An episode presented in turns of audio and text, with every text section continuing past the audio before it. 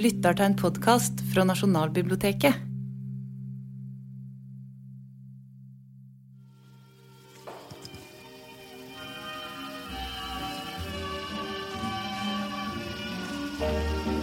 I mars 1935 ble det undertegnet et kriseforlik mellom Arbeiderpartiet og Bondepartiet. Forliket var en avtale om økonomisk politikk som gjorde at Arbeiderpartiet kunne innta regjeringskontorene.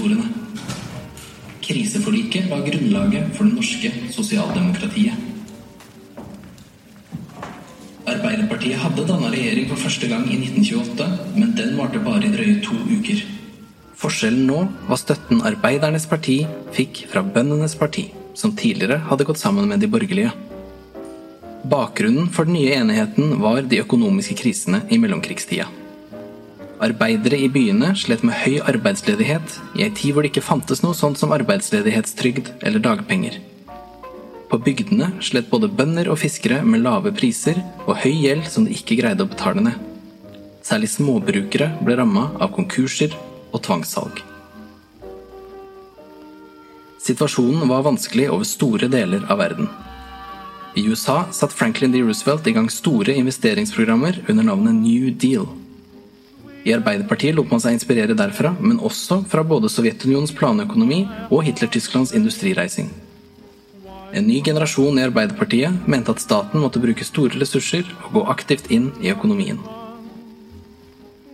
Både i Sverige og i Danmark ble det inngått forlik mellom sosialdemokrater og bondepartier i årene før 1935. Etter at Høyre og Venstre i Norge i flere år hadde gått i motsatt retning og lagd stadig trangere budsjetter, fikk også det norske bondepartiet til slutt nok. By og land, hand i hand, ble slagordet for en ny politikk som forente bønder i distriktene og arbeidere i byene. Samme år inngikk fagbevegelsen og arbeidsgiverne en hovedavtale for samarbeid om lønnsoppgjørene. Grunnlaget for etterkrigstidas sosialdemokrati ble lagt her i mellomkrigstida. Arbeiderbevegelsen tok over styringen av landet, men gjennom kompromisser og samarbeid med både industrieiere og bønder.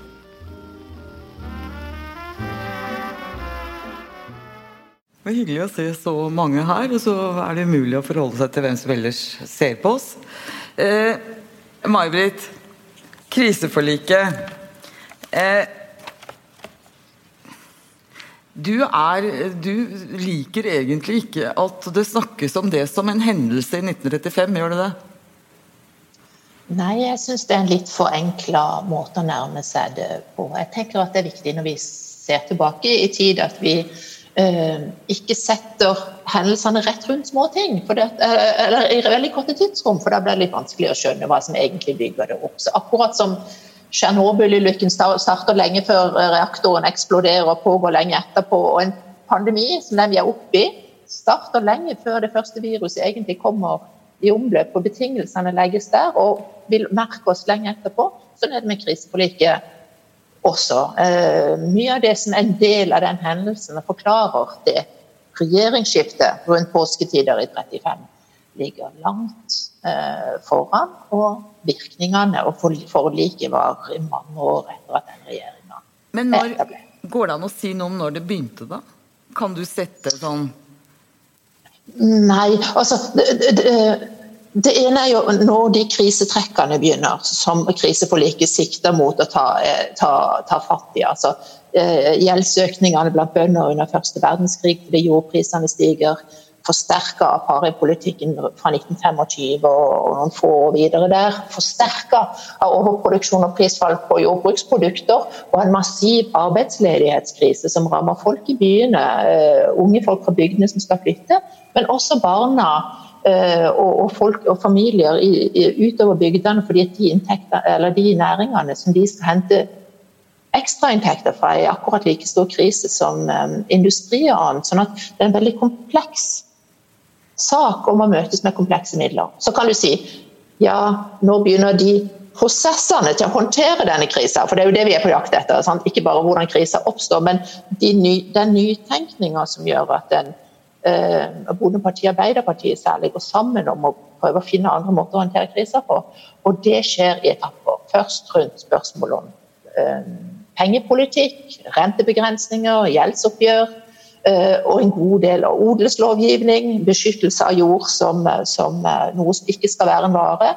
Og så ender det opp da på slutten i dette store nasjonale forliket om økonomisk politikk.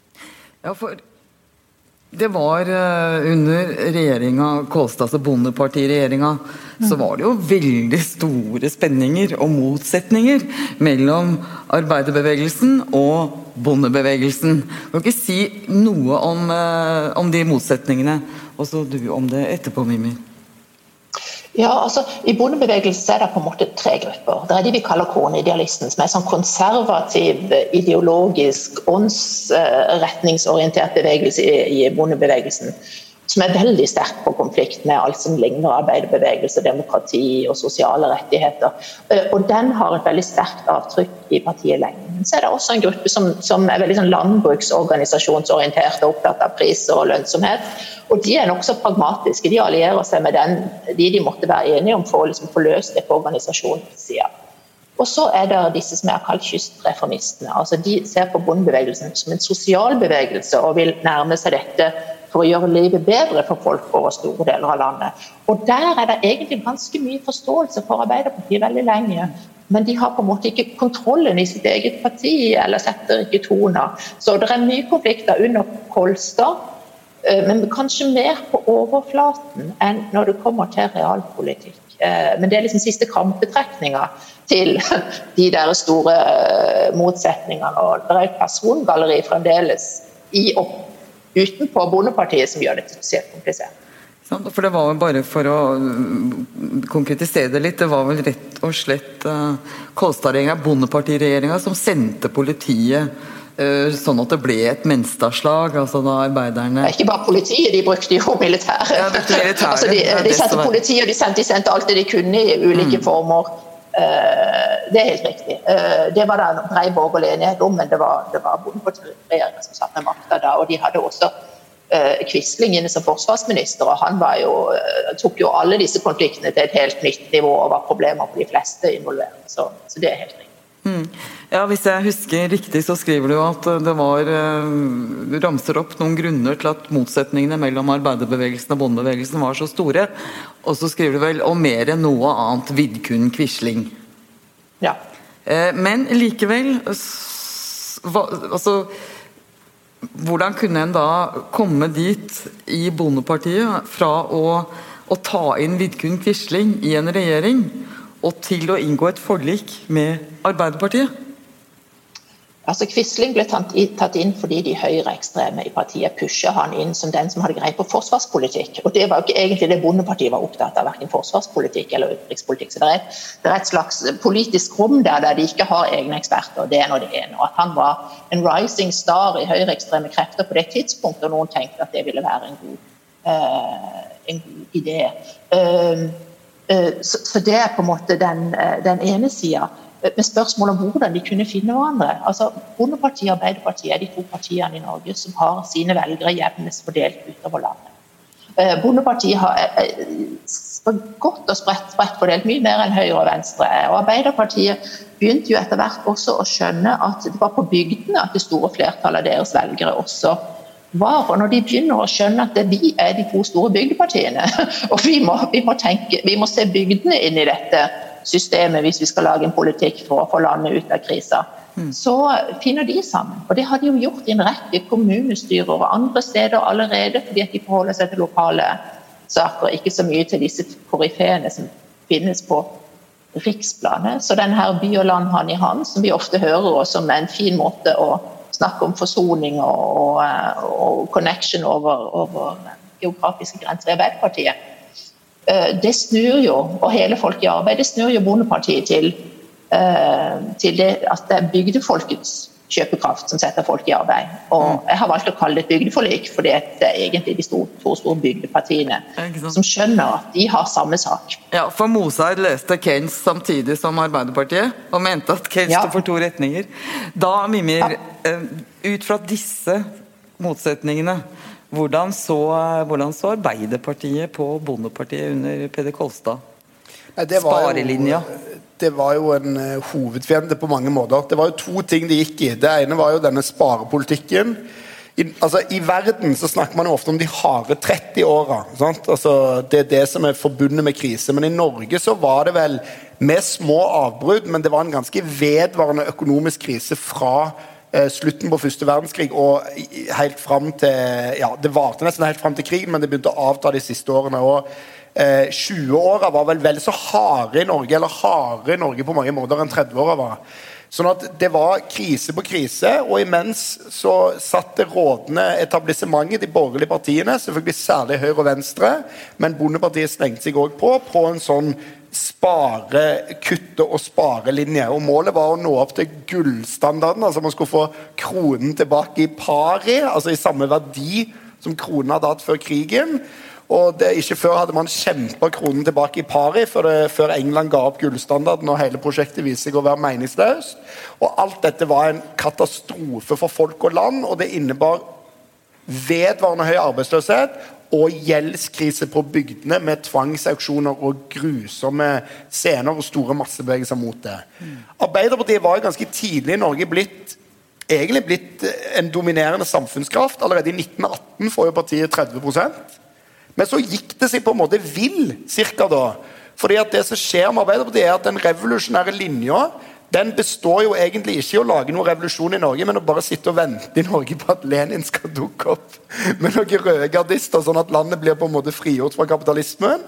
Og når det viser seg sånn i 1920-1921, samtidig som vindene snur litt i, i, økonomien, at det ikke skjer, så går Arbeiderpartiet inn i en fase med masse intern splittelse, der de egentlig ikke har noen reell vei til samfunnsmakt.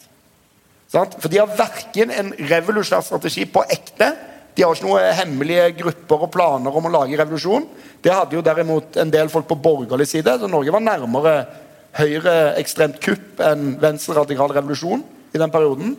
Men på den andre sida er ikke arbeiderklassen i noe flertall i Norge.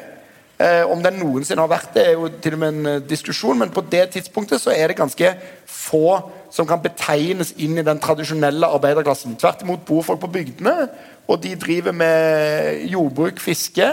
Og det som er av arbeidere, det er rett og slett ikke nok. Og Arbeiderpartiet gjør det bra på bygdene, men de gjør det òg Oslo var jo blant de første stedene eller Kristiania, som var helt i starten, der de gjorde det veldig veldig bra. Sånn at Da må Arbeiderpartiet finne nye veier. Og da skjer det flere ting samtidig. For det første så orienterer det seg i retning av bøndene og jordbrukerne. Det er noe av det første som skjer. Det skal vi sikkert snakke mer om senere. Men det er jo en til og med altså På venstresida i arbeiderbevegelsen er jo det en gammel drøm. altså Det ligger jo i hammer og sigd-symbolikken, det her. Bonde og arbeider hand i hand, liksom. Men, eh, men, likevel, det er en orientering som på en måte skjer i starten av 30-årene.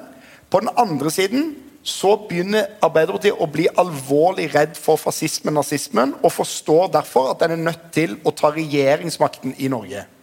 Og Det er nesten umulig å beskrive hvor stort det taktskiftet er. Så sent som i 1930 så står det i prinsipprogrammet til Arbeiderpartiet at det ikke er så viktig med folkeflertallet. Altså Det er et ganske revolusjonært parti. Og i 1933 så snus nesten alt dette på hodet. Parolen er regjeringsmakten til Arbeiderpartiet. Og grunnen til det i dag kan man kanskje forstå det som å gå til høyre, men grunnen til det er at man tror, og Tranmæl som en sterke mann på den tida sier det åpent, at hvis ikke vi tar makten, tar noen andre makten. Og det tredje er bare for å si veldig godt, nå har jeg snakket lenge, men bare veldig godt. og det tredje er den økonomiske nyorienteringen, som gjør at man ser annerledes på økonomisk politikk, særlig inspirert av Keynes, og man gir opp en del av disse her frihandelsdogmene. fordi Fram til dette har Arbeiderpartiet vært det fremste frihandelspartiet i Norge. egentlig. Ja, på ja Det var en sentral konflikt, hvor ja. Arbeiderpartiet var eh, forkjempere for frihandel, mm. eh, mens da Bondepartiet ville ha eh, toll på ja, korn. Det sleit jo med eh, fra eh, Martin Anton Scheigårds tid som, åpnet, som var den store liberalisten da, på slutten av 1800-tallet. Eh, kom inn på fascismen, eh, bolverk mot fascismen. Vi kan ikke la det henge i, i lufta, May-Britt, for du skriver også om hvordan kampen mot fascismen på et vis sto innad i Bondepartiet.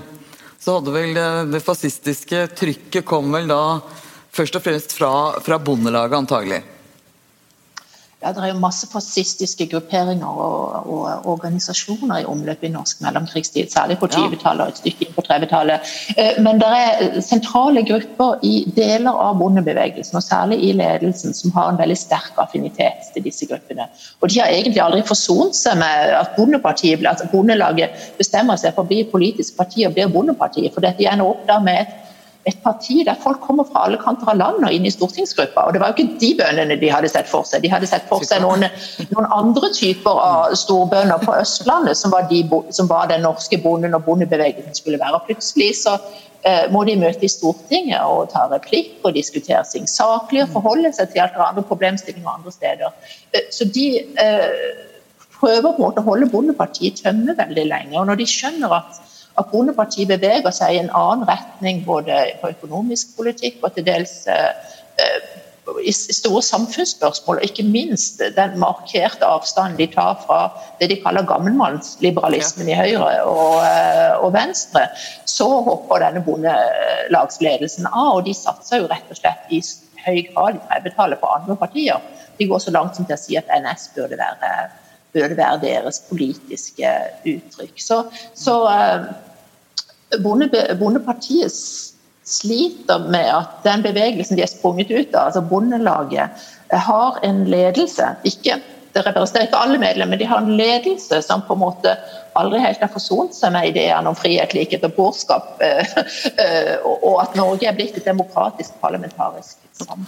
Godt gjort. Og det gjør at det rekrutterer stadig nye mm. sånne litt løse kanoner inn i den organisasjonen. Og til dels er det noen personer du kan sette fingeren, fingeren på, og til dels er det noen spenninger nesten innad i uh, i, i sjela eller tenkninga til, til enkeltpersoner også, og, og, og, og, som handler om at når ting blir veldig håpløst, og det virker som det ikke er muligheter å få løse, løse tingene parlamentarisk vei i Norge, så blir andre måter å tenke om det på ganske trist. Men vi, hvis vi skal begynne å nærme oss uh, kreftene som, eller de som de sentrale personene da, som var drivende i de forskjellige partiene fram mot det faktiske kriseforliket mellom uh, Bondepartiet og arbeiderbevegelsen. Vi var inne på at, at uh, disse skal vi si fascistene, da Eh, i deler av, eller ledelsen av Bondelaget de, ville, de syntes ikke at småbønder fra Vestlandet skulle inn i Nei, det var ikke de de ville ha inn i Bondepartiet. Men det var jo da den linja som, som vant fram gjennom kriseforliket. Og kan vi snakke Hvem var de sentrale personene her? den, den, I Bondepartiet? Under det, hele, under det hele, når det gjelder økonomisk politikk, så er Gabriel Moseid fra industribygda Vennesla helt sentral. Det er liksom småbondebygda de luxe og industri, industribygder. Så han sier jo det at ja, men arbeiderne er ikke fremmede. Det våre sønner, brødre, søstre og og, og, og, og, naboer. Altså, han har veldig forståelse for at dette der merkelig skillet mellom der er industrien og her er vi andre. Altså, det, det, er veldig fremmed. Så han er den store økonomiske, økonomiske kraften. Den andre er jo eh, presten, eller prosten eh, Trædal eh, fra Møre. Eh, og så er det Hans Holten, partisekretær. Men i tillegg er Sundby og, og også Hundseid, ikke minst. Altså, mm. Hundseid er den som på en måte får den organisasjonen i skikk og gjør den til herre i eget huset. Han er undervurdert. Altså, han jo, gjør jo noen kapitale tabber her og der, og særlig i 1940. Uh, men han er undervurdert som organisasjonsbygger. Han er mm.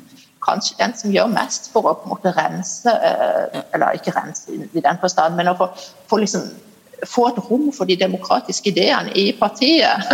Og for mm. å diskutere med andre, andre grupper enn en Høyre.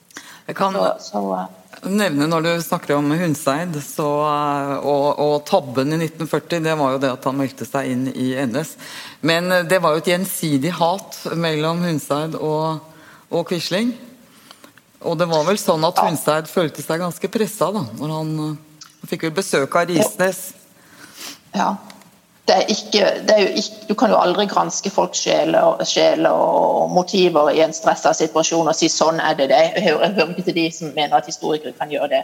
Men det var da én person som over lang tid hadde stått i et personlig nærmest hat- og konfliktforhold til Quisling, så var det han. Uh, og han var vel den politikeren i Norge som hadde hatt den største belastninga med å skyve Quisling ut av norsk politikk på tidlig 30-tall.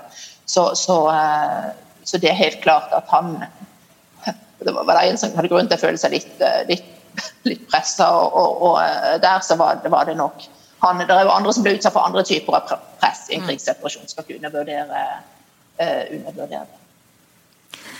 Da var vi inne på noen av disse menneskene i Bondepartiet som uh, var viktige for å få til et forlik. Uh, det første jeg kom på på Arbeiderpartisida, er jo Oksvik. Ja, altså Hvis man skal prøve å liksom beskrive altså, eh, Han ville ikke vært den første jeg kom på. for å si det sånn, å begynne et annet sted. Så er på en måte den avgjørende personen i alt Arbeiderpartiet foretar seg mellom 1918 og eh, i hvert fall 1945, men kanskje til og med i perioder i etterkristelig òg, er jo Martin Tranmæl. Og Martin Tranmæl var jo bondesønn sjøl. Eh, ble maler og sto bak den enorme endringen som skjer i Arbeiderpartiet mellom 1930 og 1933. Det skal sies at Martin Tranmæl var ansvarlig for alle linjeskiftene i Arbeiderpartiet mellom 1918 og 1933, og han sto like sterkt eh, ja, han var, like, han var flink til å skifte mening, og det var aldri hans feil at han hadde tatt feil eh, året i forveien. Det var alltid en ny begrunnelse for hva som skjedde. Men det som på en måte skjer mellom 1930 og 1933, er jo at du får en økonomisk nyorientering i tillegg til denne pro-regjeringslinja for første gang, som åpner opp et rom.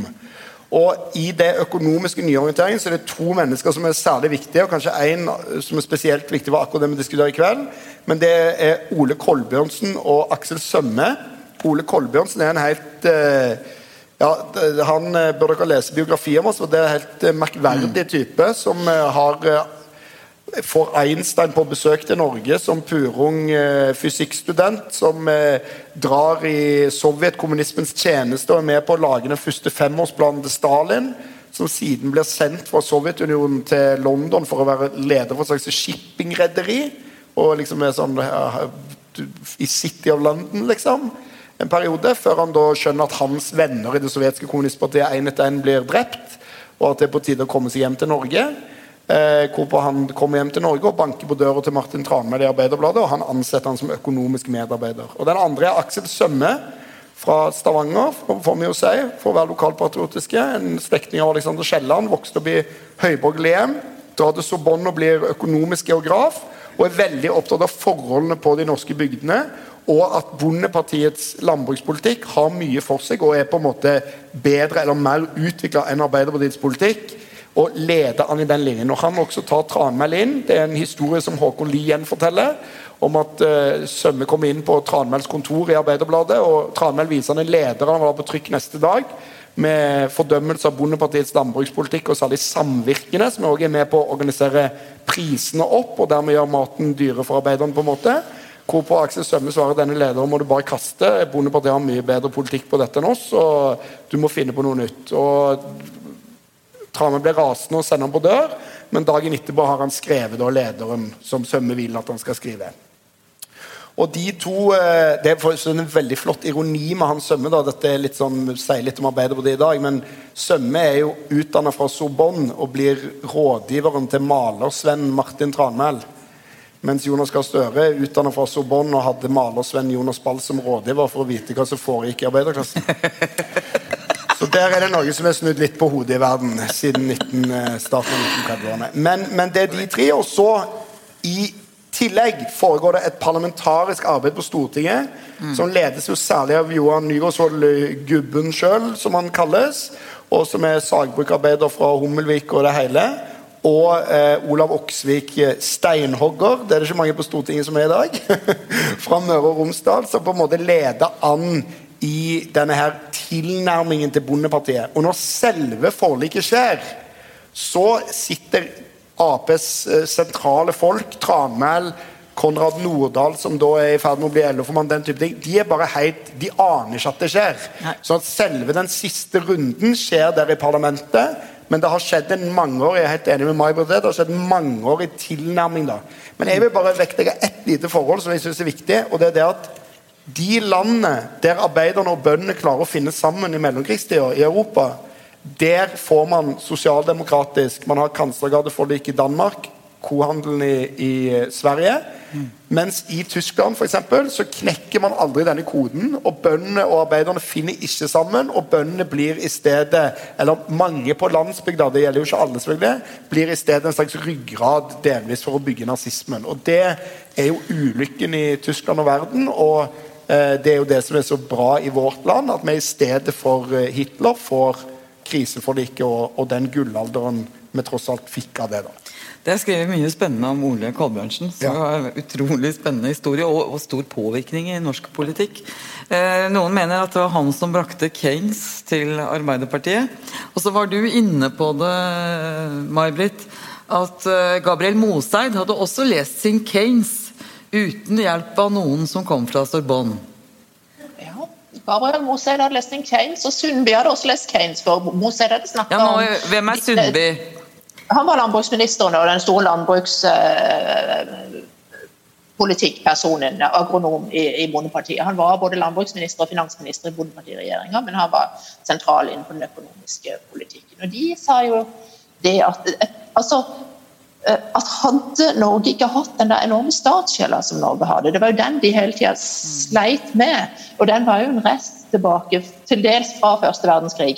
Eh, men den gjorde jo at den ideen om å ta opp enda flere lån for å løse det virka som en låst vei. og du skal ikke, Det var jo denne situasjonen alle disse småbøndene også satt i. De hadde lånt mer og mer, og det hjalp de jo, de jo ikke. Så for å få en idé om hvordan mer eh, Det var jo mer penger de skulle ha, det var ikke mer gjeld. Så, så Bondepartiet mente de måtte lete et annet sted for å få tak i disse pengene. Og mange av de eh, folka som satt på Stortinget for Bondepartiet, hadde jo erfaringer fra kommunepolitikken der det hadde vært skralt og, øh, og dårlig økonomi. De hadde vært pressa fra skanse til skanse på å spare, spare, spare. spare. Det var veien. Det var ingen forbilder som sa, eller land som hadde prestert å låne seg ut av sånne problemer til da. Og det Bondepartiet sa, var jo at vi er med på masse politikk som kan skape bedre forhold og lønnsomhet og sosiale eh, tiltak mot arbeidsledigheten både på by og land. Men vi skal ikke finansiere det ved opp enda mer gjeld, for da gjør vi det bare verre. Og Deres forslag ganske langt tilbake i tid, det var to, to forslag. Det ene var skatteutjevning mellom kommunene. Sånn at folk som var i lutfart i kommuner, der kommunene ikke hadde penger til noe som helst og ikke kunne hjelpe sine innbyggere i vanskelige situasjoner, eh, det var en veldig dårlig og vond sirkel. Så de ønska at det skulle utjevnes mellom rike og fattige kommuner. Og For det andre så ønsker de å få innført en ny type skatt, som også kunne ta fra de rike og dele ut et annet sted. Og Det var omsetningsavgiften, eller omsetningsskatten. Omsen. Forløperen til momsen. Og Dette er deres store innspill i finansdiskusjonene på 30-tallet. At de vil ha en skatt på omsetning. Mm. Ikke av matvarer, men som en skatt på forbruk, og som de der som forbruker mest, vil betale mest inn til. Og Det var Bondepartiets linje for å få penger inn til, til uh, krisetiltak. Og når de kom i denne her dialogen med helt riktig. Altså, det, er som, det, er noen som snakker sammen og snakker ut på bakrommet over ganske lang tid og systematisk arbeider med å på en måte dempe de personene som fyrer opp konflikten mellom dem. Eh, så, så, så, er det sånne tanker som dette de deler. Og det er jo dette som blir resultatet. Lønnsomhetsavprisforliket, lønnsomhetslinja til Bondepartiet, omsetningsavgifter kamp mot arbeidsledigheten, øke kjøpekraften på, på, på bygdene. Og de er hjertens enige om f.eks. behovsprøvd alderstrygd, mm. så det er et sosialt tiltak. Og økt skoletid utover bygdene. Så det er ikke bare smørpriser, det er et bredt sosialt eh, forlik. Omsatt i en god del nytenkning. Mm. Og Det er veldig keinsk det de gjør, men de takker opp lån for å håndtere det. De velger Bondepartiets løsning, altså. Mm. En skatt på, på, på omsetning. Så var det vel noe med at uh, gubben, uh, Nygaardsvold, var veldig gjenkjennelig for mange i Bondepartiet. Ja. ja. Kunne, det, var, altså, det, Arbeiderpartiet som står rundt Nygaardsvold altså, ikke alle, men de som mønstres rundt Nygårdsvold, de ligner jo på Bondepartiet. De, de, ser ut som de de samarbeider med i mm. kommunene. Nå ser du på Nygaardsvolds regjering, de stort flertall for Bygg-Norge, i motsetning til senere Arbeiderpartiregjeringer. Um, og, og, det har også betydning, for det er Bondepartiets folk i Stortinget og andre steder kjenner seg mindre og mindre igjen i de figurene som representerer Venstre og Høyre på Stortinget også. Så det er jo én ting at når de ser rundt seg, hvem, hvem har vi noe felles med, hvem snakker vi med? Hvem kommer fra det de kaller det brede laget av folket som vi kan snakke sammen med?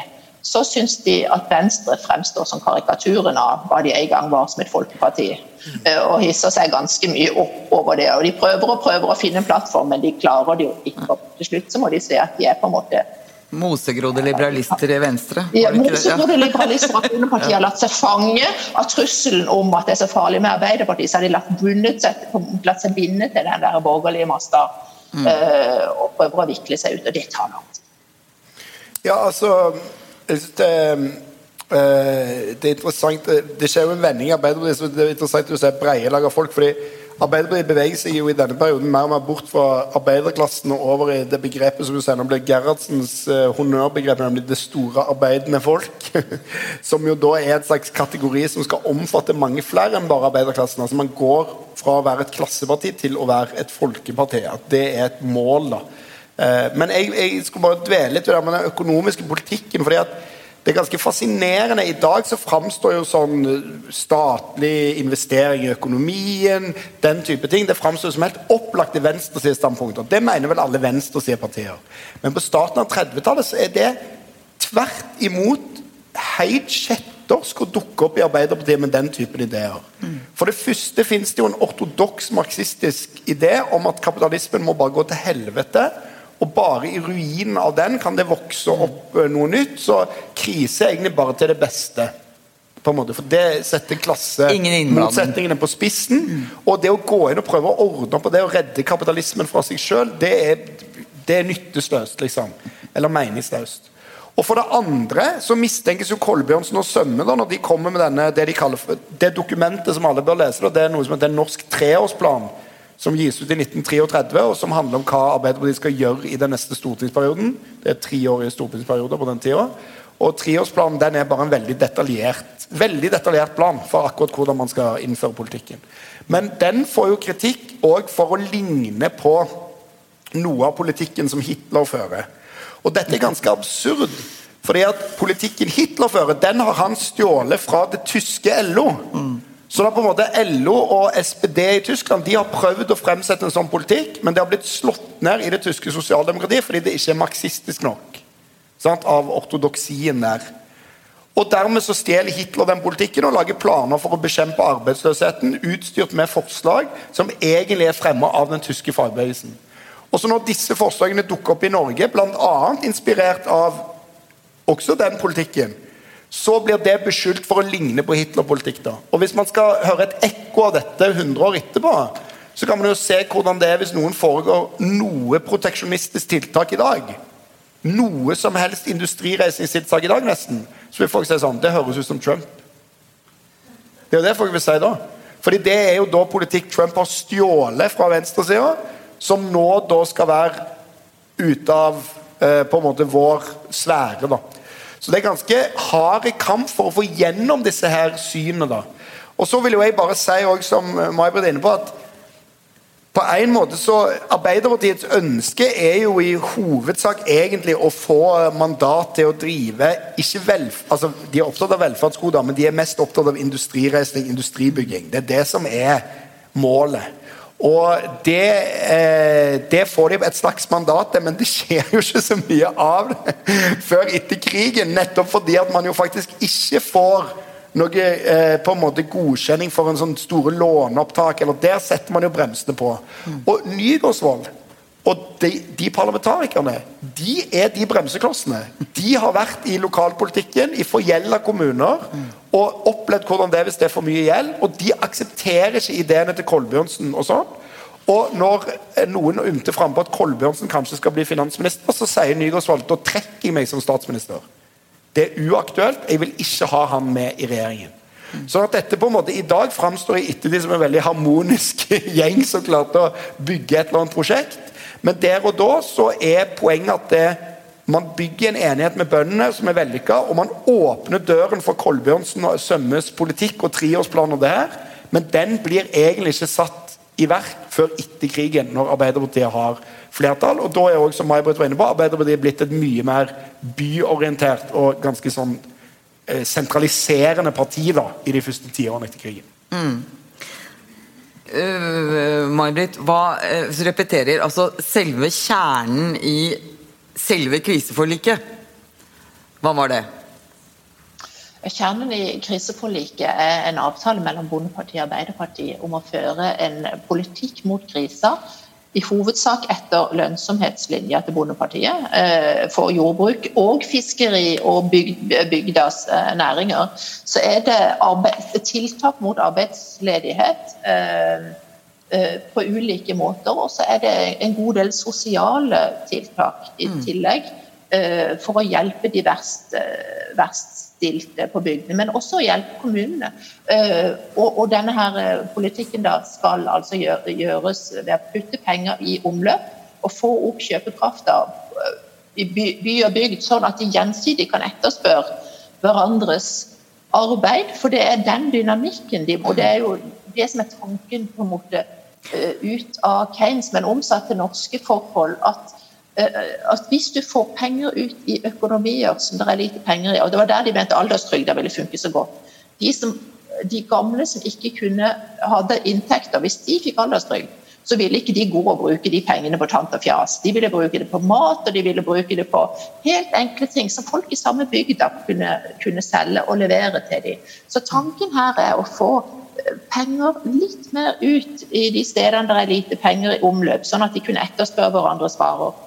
Eh, og tjenester. Og det er, synes, jeg, har, jeg har fulgt i noen andre arbeider før denne Bondeparti-studien. Noen gjeldsutsatte kommuner der det er enormt høy krise og, og, eh, og ledighet og, og, masse problemer. Og Der ser du hvordan dette her er en slags sånn det motsatte av trickle down-økonomi. Det er en boble opp-økonomi på mikroplanet utover eh, landet. Og det å, å, redde samfunnet og, liksom, og, og, og, ta vare på det kan bli veldig stort og abstrakt, men for veldig mange av disse i Bondepartiet og Arbeiderpartiet så var dette samfunnet de skulle redde. Helt konkrete små samfunn de levde i rundt omkring i landet, der de så hvordan den økonomiske situasjonen uh, uforskyldt ramma veldig mange, og hva det, gjorde med, hva det gjorde med folk, og hva det gjorde med troa deres på mm.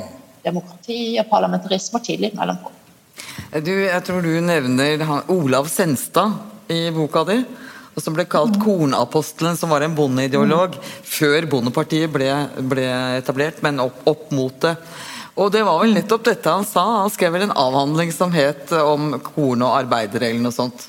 Altså Fort det arbeidende folk ville forstå denne lønnsomhetslinja, så ville de være med. Eh, gikk det på forståelse, eller gikk det mer på sånn felles Eh, jeg tror, jeg tror det er, er, er, delvis altså Hvis vi setter Senstad litt til side, for han, han, er litt ambivalent i måten han nærmer seg det på, i hvert fall i måten han blir tolka på ja, i den tradisjonen. så Jeg er ikke sikker på om jeg kan svare helt presist på, på det, du, det, du, spurte meg om. Men det er helt klart altså Mye av den motstanden mot arbeiderbevegelsen som du ser utover bygdene, har vært en motstand mot den uh, harde organiseringslinja, sånn som de oppfatter den. At arbeiderne organiserer seg de, de stiller harde krav. Eh, de går løs på streikebrytere. De, eh, de reagerer rart på boikott. Eh, så, så, mange syns at dette her er, er tøft og rart og merkelig måte å organisere seg på. Men når bondeorganisasjonene og nærings... De ulike organisasjonene innenfor bondebevegelsen prøver å få opp sine priser for organisert sin næring, så er det jo organisering, organisasjonstvang og melkesentraler og eggsentraler. Og, altså, det er masse sånne ting. Og når de kommer ut på 34 og 35, så sier de at så skjønner de hvorfor det var nødvendig i arbeiderbevegelsen ja. å gjøre det på denne måten, for de har gått den samme veien sjøl.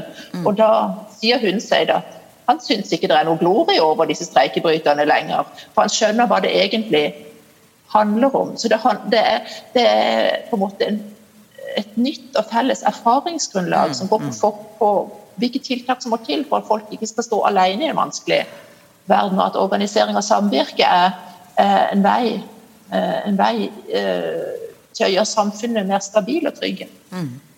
Ja, og jeg bare Veldig enkelt sagt det som er mentalitetsendringen i arbeiderbevegelsen, som jo for all del blir eh, eh, innført fra toppen og ned, tror jeg, det er jo en forståelse av at man ikke først og fremst har noe på å tjene på å presse prisene på alt mulig, og særlig mat, lengst mulig ned, men å prøve å løfte lønningene mest mulig opp. Uh, og det er jo en uh, lærdom jeg tror mange i Norge kunne hatt godt av å huske i dag. da Neste gang du tenker at uh, yes, det koster bare 199 kroner å fly til Stavanger, eller hurra, ribbe til 1990, så er det kanskje godt mulig at det ikke er ribba, prisen på ribba eller prisen på flybilletten det er noe problem, men kanskje lønna eller trygda eller pensjonen den som er for lav. Og Det er jo der det skjer en slags endring, der man ikke lenger på en måte har som sitt mål å få lavest mulig priser Eh, på jordbruksprodukter, men i stedet få en form for organisering av det.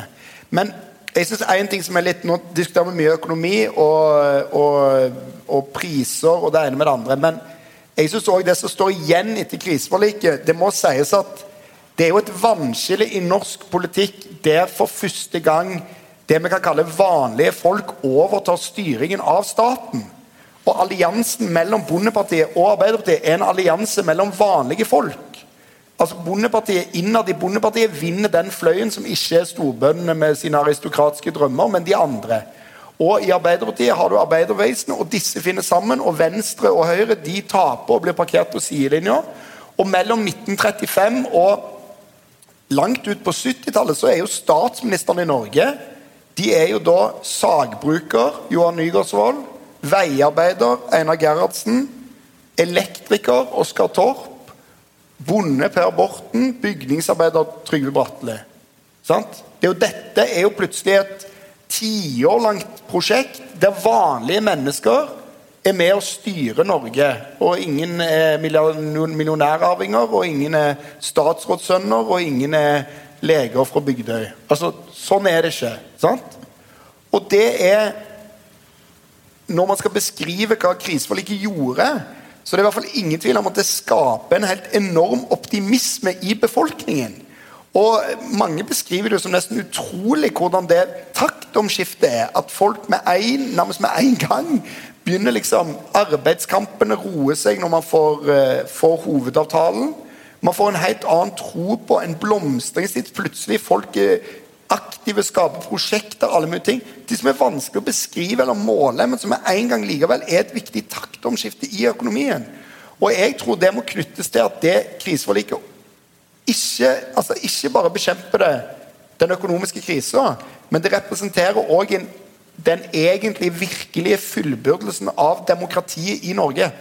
For for første gang er flertallet av mennesker i Norge de som styrer, og ikke det lille mindretallet. Og Rederen Johan Ludvig Mowinckel fra Bergen blir erstatta av sagbruksarbeideren og jernbanearbeideren har vært i USA og alt mulig. Johan Nygaardsvold fra Hummelvik. Og det er det som på en måte òg er det sentrale poenget i kriseforliket, sånn som jeg ser det. Men Mowinckel uh, tok dette tungt, uh, May-Britt. Han uh, førte jo en retorikk som gikk på at det var han som sto for folkestyre og demokrati. Ja, det var jo Bondepartiets uh, stadige raljering over Mowinckel. At uh, de mente han definerte uh, folkestyret som det styret han til enhver tid drev. Ja. med, liksom, med, med, med, å pynte seg med Venstres fjær fra, fra fremveksten av partiene på 1800-tallet. Så det var jo, Og de mente jo han var liksom langt over grensa i arroganse. Og det er ganske interessant når, når Nygaardsvold ble valgt til stortingspresident for første gang, og Bondepartiet støtter da Mowinckel bruker eh, mange anledninger til hakket på Nygaardsvold, fordi de, han syns de kan gjøre det på den måten. altså De, de formene som han ville gjort. Eh, bruker litt andre ord osv. Så, videre. så er Bondepartiet og hun seg veldig raskt ute og forsvarer og sier at dette er en det, vi er så stolt av å ha en stortingspresident som kommer fra folk, og som leder dette på en verdig måte, men som folk kan kjenne seg igjen i. Så jeg er helt enig i at det er en veldig viktig eh, dimensjon i det. Samtidig så vil jeg også si at det er viktig å se at altså, i riktig gamle dager, for 30 år siden, så ble det kalt hestehandler og smørpragmat. Altså masse sånne ting ble satt på dette forliket. Men, det, er, det, det, det, kunne ikke vært mer feil. Altså. Det er som sagt mye sosialpolitikk i det. Eh, det er skolereformer og innføring av mer praktisk undervisning i skolen, mer anskuelsesundervisning, som skulle komme eh, barna fra altså fra ikke-akademiske familier mer i møte, sånn at det skulle nærme seg deres hverdag. Og det er lengre skoletid, som sagt. Og det er en god del andre sånne typer av tiltak som eh, peker i helt andre retninger. Og eh, Bondepartiets sentrale personer sier at ja, men, men disse folka utover bygdene er småkorsfolk, og, og, de, og, og de er det er de som er fattige folk i landet. Og de mangler penger, men de mangler også livsmuligheter av kulturell og sosial og utdanningsmessig art. Og det er akkurat like viktig for de, selv om det selve regjeringsavtalene de handler om økonomi, eh, så er det enormt masse annet enes om, enes om også. Mm. Og som står i norsk historie fremdeles. altså Mye av disse tenkningene er jo jo, har, jo, har jo hatt en lang virkning eh, etter det. Mm. Ikke noe hestehandel? Nei, jeg er helt enig i det, altså. Eh, og det er jo en sånn Dette er jo sånn alle si, borgerlige kommentatorer sier når de skal snakke stygt om Senterpartiet, at de er voldsomt sånn hestehandlerparti, og de bare gjør et eller annet høyre-venstre for hestehandelens del. Men det er jo en helt klar eh, ideologisk linje her. da, og sånn som jeg ser det, så er det tre ting som skjer med kriseforliket. og Hestehandel er et ganske stygt ord. så jeg kan høre noen veldig fine ord om kriseforliket. Det er tre ting det betyr. Det betyr at fascismen dauer i Norge. At dens folkelige oppslutning i Norge er ferdig. Det potensialet som kan ha vært der Det er ikke sikkert det hadde vært der, men det kan ha vært der i et sånt NS-prosjekt, en sånn nasjonal blokk. Det blir endelig avslutta med kriseforliket. Det andre er at du får en uh, fullbyrdelse av det norske demokratiet, som jeg var inne på i stad. Og det tredje er at det markerer på en eller annen måte slutten på den økonomiske krisen på 30-årene. Og så er disse tingene, som Mai var inne på i sitt første innlegg, altfor enkelt å si. fordi at det er arbeidsløshet, høy arbeidsløshet i mange år etter kriseforliket. Det er tilnærminger i mange år før kriseforliket osv. Men skal du prøve å zoome inn på ett punkt i historien, plante flagget og si dette markerer liksom et vannskille i i, i, i, på en måte den politiske utviklingen i Norge, så står dette igjen som, som det som redde oss fra fascismen, stoppa krisen og innførte demokrati i Norge på ekte. Så det er hestehandelen, da. For å si det sånn. Det er mulig dette er litt ubekvemt for deg, May-Britt, som historiker. Men hvis du skal mene noe, eller si noe da, analytisk fra ditt ståsted om forholdet mellom de to partiene i kriseforliket i dag?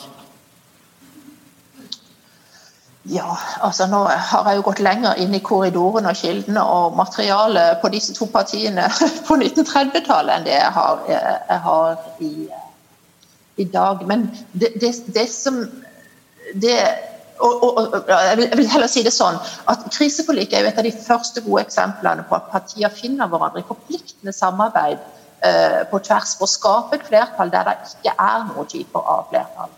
Uh, altså Mellomkrigstida er, er runder på runder. Jeg tror det er elleve mindretallsregjeringer der er fra første verdenskrig. altså fra, fra Venstre mister flertallet og uh, etter krigen der og opp. sånn at de har jo ingen erfaringer for uh, For det er ingen som egentlig vil lage breie kompromisser og samarbeide når det kommer til stykket. Og det vil jeg si at hvis du ser på Arbeiderpartiet og Senterpartiet i dag, så syns jeg jo nok det er fra, fra de siste tiårene så syns jeg jo at det er noe av den ånden eller forståelsen av hva dette er fra mellomkrigstida, som jeg tror måtte tatt med i erfaringsbildet deres på helt andre måter enn, det var hvis du går de lenger, uh, lenger tilbake. Og denne, den, den, denne si, ambivalensen eh, i, i eh, Senterpartiet som du så på 20-tallet opp til 30-tallet, som du ser senere, som går på er vi borgerlige eller er vi ikke borgerlige, og hva gjør det begrepet med oss når vi tenker ved hjelp av det, hvordan i all verden det er en del sånn sterke begreper som blir kasta på som identitetsbegreper, som ikke alltid gjør all verdens godt for det partiet når det kommer til Eller historisk har gjort all verdens godt for det partiet når det kommer til å orientere seg. Eh, og andre partier har sine hangups. Men, men det kriseforliket handler jo om å på en måte deschiffrere de begrepene som folk har hengt seg opp i, og som har gjort det vanskelig for de å finne løsninger og finne det som er de riktige og gunstige vennene og alliansene til enhver tid. Og der tror jeg alle partier Det tror jeg er en evig, en evig kamp for de fleste i, i, i politikken å frigjøre seg fra uh, frigjøre seg fra noen innbilninger om hvem de er og hva de står for. kikke litt, kikke litt, uh, litt godt etter på seg sjøl. Mm. Hvordan ser du på det, Mimir? Forholdet, er det noen gjenklang av kriseforliket i dag, eller er det helt, en helt annen allianse vi ser? Nei, jeg merker jo meg at eh, stadig flere politikere i den rødgrønne, breie rød-grønne alliansen snakker jo om akkurat den type ting. Altså, det er jo Per Olav Lundteigen han sier han vil ha et nytt kriseforlik. Eh, Jonas Gahr Støre sier han vil ha en norsk eh, New Deal. I Rødt og SV-kretser heter dette ofte Green New Deal eller den type ting. Så Det er jo mange som ser tilbake til 30-tallet og den type løsninger. Og på mange Altså Situasjonen på mange måter i dag politisk ligner ikke den forstand at du har kanskje den bunnløse fattigdommen og, og nøden og tvangsauksjon og den type ting, men det er vel en følelse av at verden eh, vakler fra krise til krise. Eh, koronakrise har vi nå. Veldig mange hundre tusen arbeidsløse. Arbeidsløshetstall vi ikke har sett siden mellomkrigstida. Eh, du har hatt en klimakrise som i hvert fall krever enorm politisk handling. Du har et eh, enormt bygdeopprør i Norge i dag òg, basert på helt andre ting, men sentralisering som eh, fokus. Og da er behovet for at disse kreftene liksom klarer å finne sammen i en, en allianse for å Eh, ja, jeg vil si nok en gang å på en måte ta litt kontroll over eh, vår egen skjebne. da. Det er egentlig det jeg føler er litt avgjørende. da, At, på en måte at man igjen har politikere som eventuelt tror på at det er mulig for politikken å styre samfunnet i en retning som er til det beste for flertallet, og det flertallet ønsker. Den tanken mener jeg har vært litt i forvitring de siste tiårene. og den eh, tanken tror jeg det er mulig å hente og låne fra kriseforliket. Så nå er jo det mest sannsynlig i Norge at du får en ny Sp-Ap-basert regjering, for å bruke Vedum sin, eh, sin faste frase. Og, og, det er jo nettopp basert på at man finner sammen i kamp mot sentralisering og i kamp mot økende ulikheter, som er de to hovedsakene til, til de partiene. Så Sånn sett så ligner det veldig mye, vil jeg si. Og behovet er jo der òg. Altså, husk at kriseforliket kom til fordi at de der ekspertene, de som kan det best, de som har høyest utdanning og på en måte mest penger, de hadde styrt staten på ræva. Det var jo det som hadde skjedd. Og Derfor måtte vanlige folk komme inn og, ta over. Og det måtte være andre folk som tok grep om det. liksom. Og i dag så tror jeg, i hvert fall hvis du ser rundt deg i verden, at mange kan ha en lignende følelse i Europa og USA om at det er en del ting som ikke har gått som det skal. Og alle de ekspertene som liksom skal vite dette best mulig. Det er godt mulig at vanlige folk må komme tilbake og, og ta ansvar for, eh, for, det vi skal gjøre videre. Da. Og det tror jeg i hvert fall det er noe å lære av kriseforliket. Eh, hvis man har mitt politiske ståsted i det minste. Kan jeg kommentere det? Absolutt. Ja, for det er, Jeg skal ikke la anledningen gå fra meg til å si at det er klart verden trenger mange new dealer nå. mange typer av new dealer. Så ikke, ikke forstå min, eh, min, tilbakeholdenhet i det forrige svaret som at jeg ikke mener det. Green new deal, sosial new deal. Vi trenger massevis av nye, nye dealer. Eh, det, det mener jeg er ganske vesentlig. Men jeg vil reservere meg mot det skillet mellom de som har kunnskap og er eksperter, og vanlige folk. Og, det, og, og i hvert fall ikke med rot i kriseforliket. For er det noe du ser av de personene som er engasjert i det, så er det kunnskapstørsten på de premissene de selv sitter med. Det er ikke sånn at de sier at kunnskap ikke har betydning, eller at vi ikke skal lytte på de som kan noe spesielt. Og det syns jeg de faktisk sier. Det er De lytter på dem, de leser bøkene, de gjør seg opp erfaringer, de samler kunnskap og bygger den opp igjen. Så det er, det er veldig lett altså, Jeg ønsker ikke at uh, min kommentar til det skal ende opp med en sånn jo, men der er ekspertene, og der er folket. Uh, for det første så er folket mye mer folk, eller de aller fleste har mye mer utdanning og kunnskap i dag enn det de hadde, så det er det ene. Uh, og det andre er at det er mange måter å søke kunnskap på, og spørsmål om kunnskap for hvem og til hvem og respekt for størrelser som sannhet og logikk.